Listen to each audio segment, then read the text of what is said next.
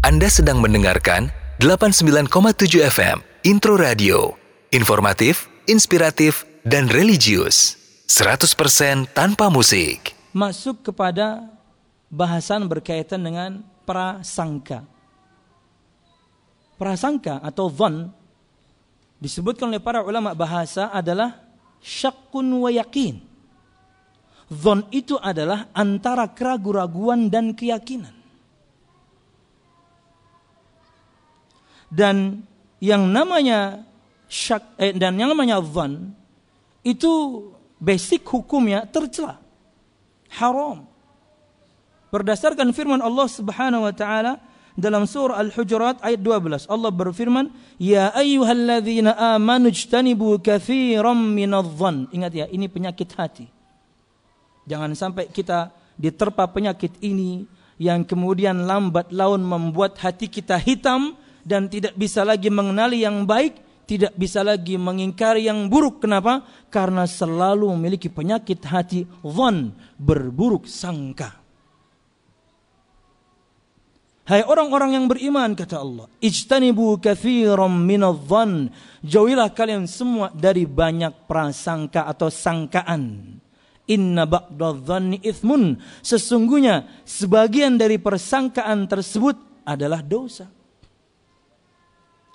Juga sabda Nabi Muhammad SAW dalam hadis yang dikeluarkan oleh Imam Bukhari juga Muslim, "Iyyakum madh fa inna dhanna akdzabul hadis."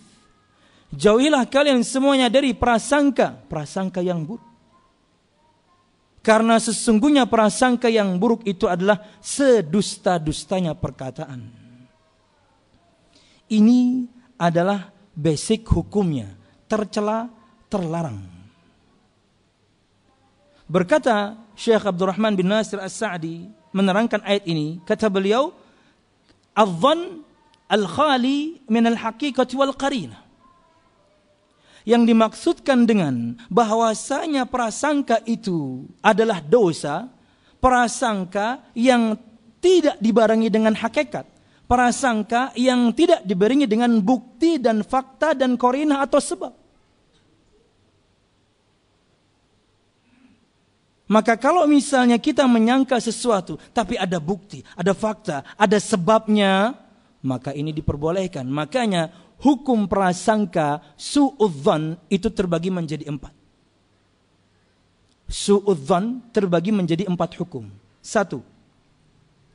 Tapi sebelumnya belum menyebutkan fatwa Syekh bin Bas kata beliau fal wajibu alal muslimi alla yasi'a bi akhihil muslim illa bijalil. Kata Syekh bin Bas rahimahullah, maka kewajiban seorang muslim adalah tidak boleh dia berburuk sangka kepada seorang muslim yang lain kecuali dengan dalil. Ada bukti, ada fakta, ada karina, sebab yang kemudian dia menyangka itu. Satu, hukum atau macam-macam prasangka atau buruk sangka. Ada su'udzan yang tentunya haram Su'udzan yang haram, berburuk sangka yang haram adalah berburuk sangka kepada Allah.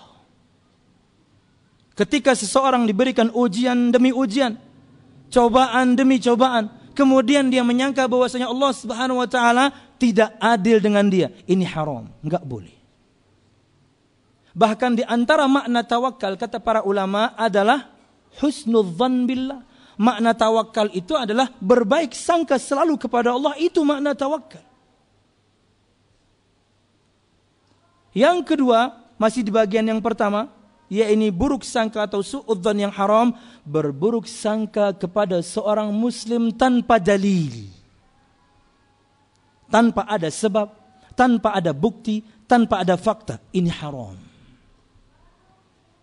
Dua, suudzon yang diperbolehkan. Berburuk sangka yang diperbolehkan. Kepada semua manusia. Lebih spesifik kaum muslimin. Kalau kemudian dibarengi dengan jalil. Dibarengi dengan fakta, bukti, sebab. Maka ini boleh. Perhatikan perkataan Syekh Muhammad bin Salih Uthaymin Amma man urifa bil fusuq wal fujur fala haraja an nasi'a dhanna bihi li'annahu ahlun lidzalik. Sedangkan orang yang memang dikenal dia pelaku dosa, dikenal dia orang yang selalu berbuat keji dan mungkar, maka tidak bermasalah kita kemudian berburuk sangka kepada orang tersebut karena memang dia ahlinya dalam maksiat. Tapi perhatikan bagaimana keadilan beliau. Wa ma'ahadha la yanbaghi lil insani ayyatatabba'a auratin nas. Tapi dalam saat yang sama atau di saat yang sama seseorang tidak boleh kemudian mencari-cari aib orang lain. Enggak boleh. Berburuk sangka diperbolehkan karena ada faktanya. Berburuk sangka diperbolehkan karena ada kemudian korina atau sebabnya. Kenapa kemudian kita berburuk sangka? Tapi itu tidak menghalalkan kita kemudian kita cari habis aib orang ini. Enggak boleh. Tiga. Su'udhan yang dianjurkan bahkan. Berburuk sangka yang dianjurkan. Mungkin ini contohnya rada jauh. Karena ini tidak terjadi kecuali dalam kasus peperangan. Kita harus berburuk sangka kepada musuh supaya kita tidak terjerumus kepada makar dia. Maka ini harus, bahkan dianjurkan. Dan yang keempat adalah su'udzan yang wajib. Harus su'udzan. Ini tidak terjadi kecuali dalam ilmu al-jarh wa ta'dil.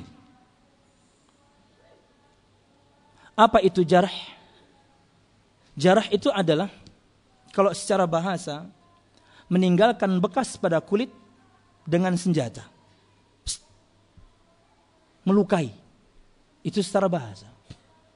Tapi secara istilah para ulama ahli hadis adalah seorang perawi raddur rawil hafidhil mutqin riwayat rawi liqarinatin qadihatin fi seorang rawi hafid penghafal yang mutkin mantap dia menolak periwayatan rawi yang lain karena memiliki sebab yang membuat orang ini tertolak.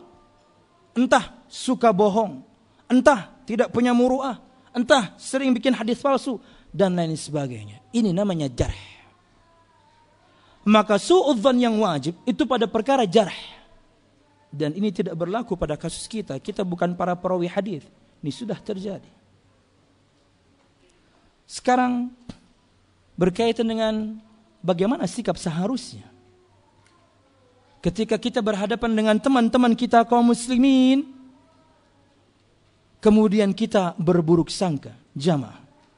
Disebutkan oleh seorang ulama salafus saleh, seorang mukmin itu seharusnya dia selalu mencari uzur untuk saudaranya. Ini sebenarnya prinsip yang baik.